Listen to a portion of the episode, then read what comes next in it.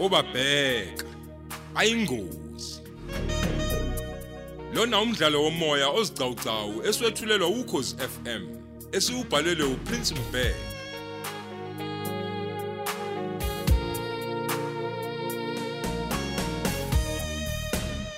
lesi isiqephu seshumi nesishiyagalombili.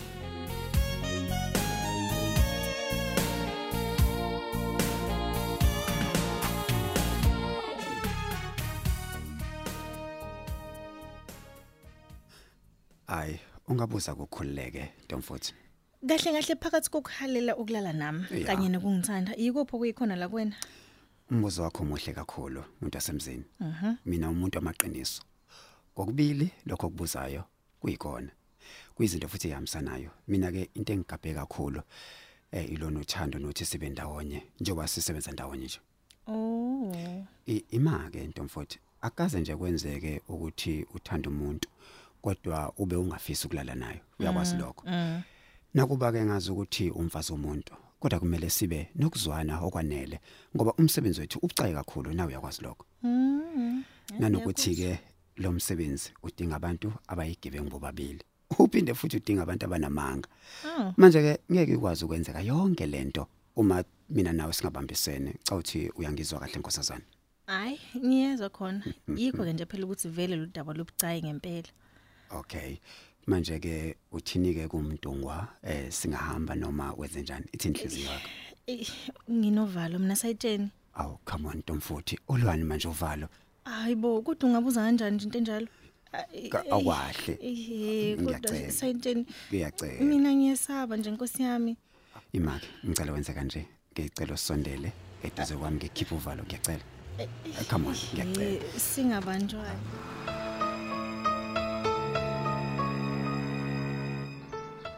Ngiyabonga sayitshene. Ngicela sambeke ungayihluphi. Hayibo, uziphethe ke manje into zokuvikela phoyisa. Aw, bengeke phela ngilokothe ngaliphathi ijazi lomkhonyana. Asivele sehle nayo yonke nje into eh ngaba yibhuku nephepha khona konke mase sikwenza ngaphakathi kubona ukuthi sibhizi ngomsebenzi yabo. Oh, yeah. Kuze nganakeki. Mm.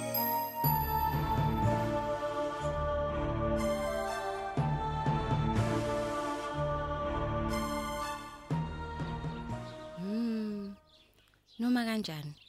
Kufuneka siyavalwa manje ikole. Mina kade nganyamalala. Hm. Kuma uma nje kungenzeka kuvalwe ikole ngisala ngaphakathi. Mm, hayi shem. Ngizokubona ukwabona ezikade sakeni. Habe. Okwakuba nje ukuhlala iminyaka engabala nakubalwa endaweni enje. Oh ngeke, hayi. Ngizozama ngamandla monke. Okungcono nje ngikasuke ngiyohlupheka ngaphandle. Hayi la eplazini ngeke.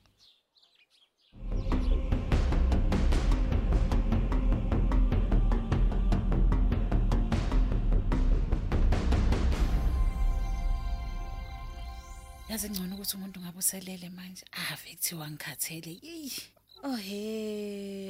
Ey ma. Vele udle ngoba sengikuphakelile. Hayi, ngicela sithandaze ma. Ungagoqa nje uma kusavuma.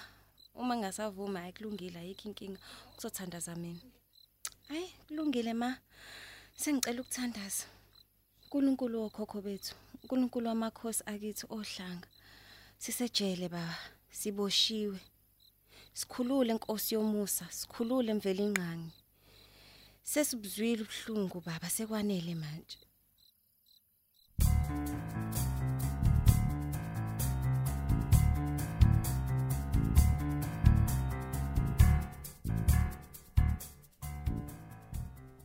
Aw, awusho boys. Ya ngithini? Konje mzukwane esila eplazini ekwadutshulwa khona umuntu. Akekho umsebenzi sayisakhuluma naye. Hayi cha, asikwazanga ukukhuluma nabo ngqo. Mm. Phela umqashi waba ngithi wavela washesha wayeceba yena ngamaphutha akhe. Ekhuluma mayelana nezimali lezi ezibanjwa kubasebenzi ezibasiza mangabe sebengasasebenzi. Oh ya, hayi, sengiyakhumbula. Njengemali kaPoinandi nje Mhm, iUIF. yes. Wagcina ethembisile ukuthi uzobanika bomndeni kaMufi yonke imali yabo. Hayi bandla ngikhumbula kahle. Wafunga waqinisa impela ukuthi uzobanika.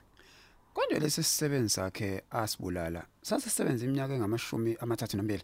Mm impela engathi washo njalo. Ngicabanga kanjalo nami. Mm. Ey, kodwa yaziphoyisa.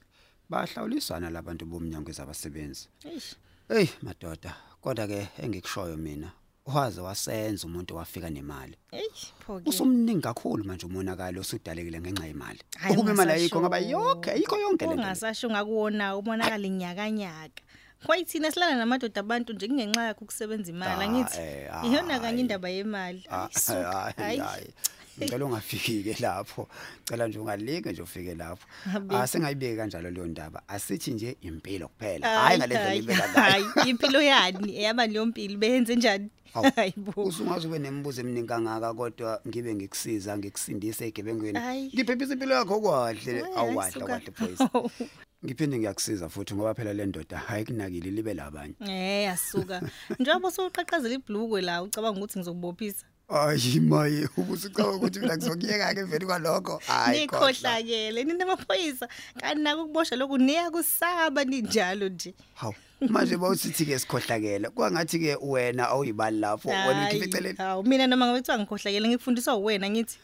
Oh hey nama ngizenzi Mm. mntana umuntu okusho ukuthi ikhona lokho engaphuma ngikufumbethe sikavana Ngizwani. serious Awu awusho emntungu. ya Ngoba phela indaba yokuhlasela kwethu lapha e- eplazini yenzeka kudala nje. Indaba oyicabange manje? hawu akithi sayikhumbule intombazane eyayivela esikoleni esayidlula endleleni ngenyanga ephelele Mm. nakho ngize ngithi mina iyefana ncimishi naloya mama loya oyi-wanted Oh, bakithi ngiyakhumbula ya, ya. ya kwathi nje ngelinye ilanga ngihambela ngisemgaqweni ngenhloso yokubona ke phela ukuthi ihlala ngakuphi Ya, wagcina ubonile ke. ya ngabona Awu. yize kodwa phela ngathola okukhulu ukujabha ngalolo suku Awu yindaba osubonani kanti? ngithola ukuthi lengane ihlala khona lapha eplazini lika Malcolm Oh ya. Eyi. Ngayibonela ke nami ngawami amehlo ibhunu lihlukumeza kabuhlungu umuntu esifazane hey Bakithi. ngezwe ngicaswa ngalendlela ongakazi uyibone Oh, Nkosi yami. Ey nakuba ngangikujana kodwa kwakuzwakala okubangwayo. Mm.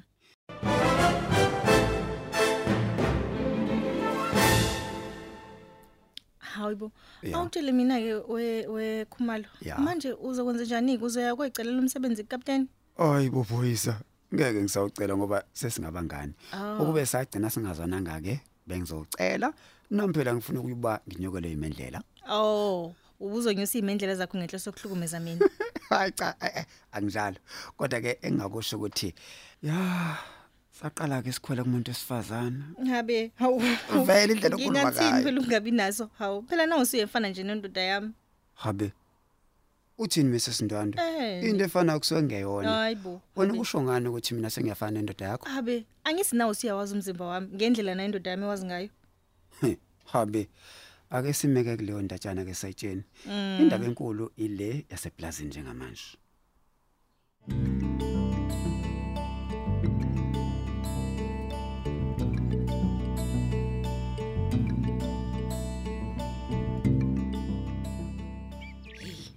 Kwaze kwakude-ke nasekhaya. Ngiyofika nini nje? Hayi bo. Lo muntu omlaphayana ngabe umeleni ngempela? Hayi khona phela mina kade ngaqala ukuhamba kulo mgaqo kodwa ngikazi nje ngibona umuntu ovelame nje kanjena. Habe ngabe uzimisele nje umuntu wabantu Hi, ichawa zwaqoka kahle ke bo. Hayi phela lihle nje iqiniso. Hm ngabe ulinde mina yini pho Hayibo efuna ukuthini nje kumina. Oh, sawubona nkosazana. Yebo sawubona. Eh bengisacela ukubuza bandla ngani yakwethu ungadini namntakama. Yebo bhuti ungabuza. Hayi, nkosazana, eh singahambisana nje ngijike khona la eduze ukuze ungalibali nawe. Ya, ngiyaphila ke mina sesiwami. Wena unjani? Hayi nokho akufani. Ngiyaphila bhuti. Hayi, kuhle kakhulu ke makunjalo. Kodwa ke nami ngiyabuza njengoba isijwayizi seyihlula ingqondo. Wena phela awuyeni umuntu wokubuza impilo ngoba into nje leyo ebhalwe kuwena ngisho ubhekele ukuthi cha uyaphila. Hey. Hayibo. Kodwa nawe uyabonakala nje ukuthi uphilile. Awu, uyawu, awu umuntu asemzini udlala ngami.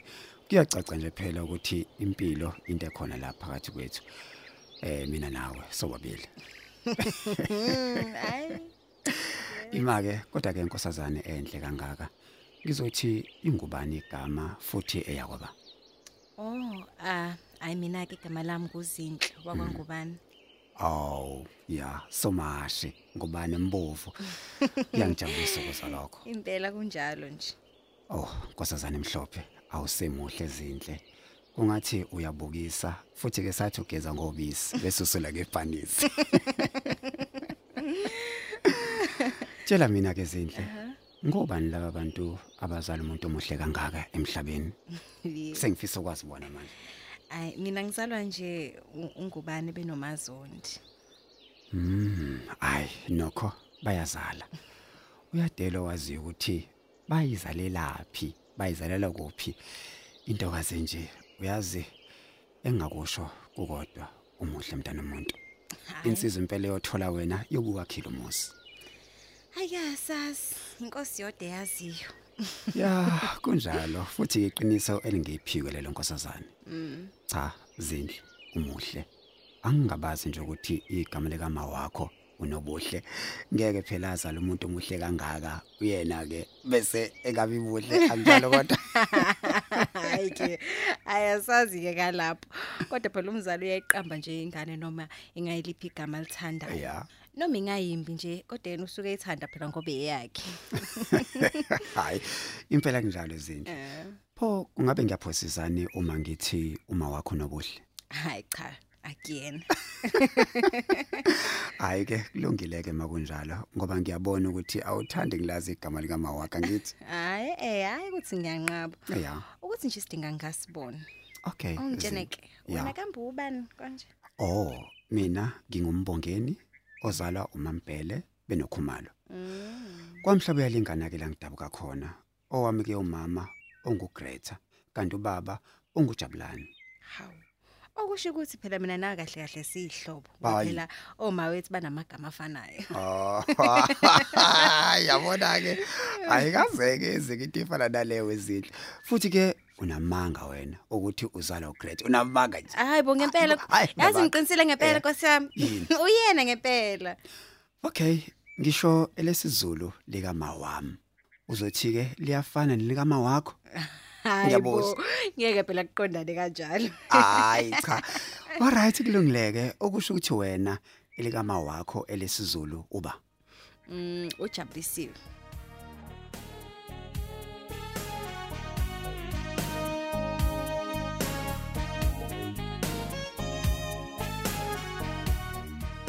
Siphela lapho ke isiqephu sethu esethulelwa ukhozi FM esithi obabheka bayingozi.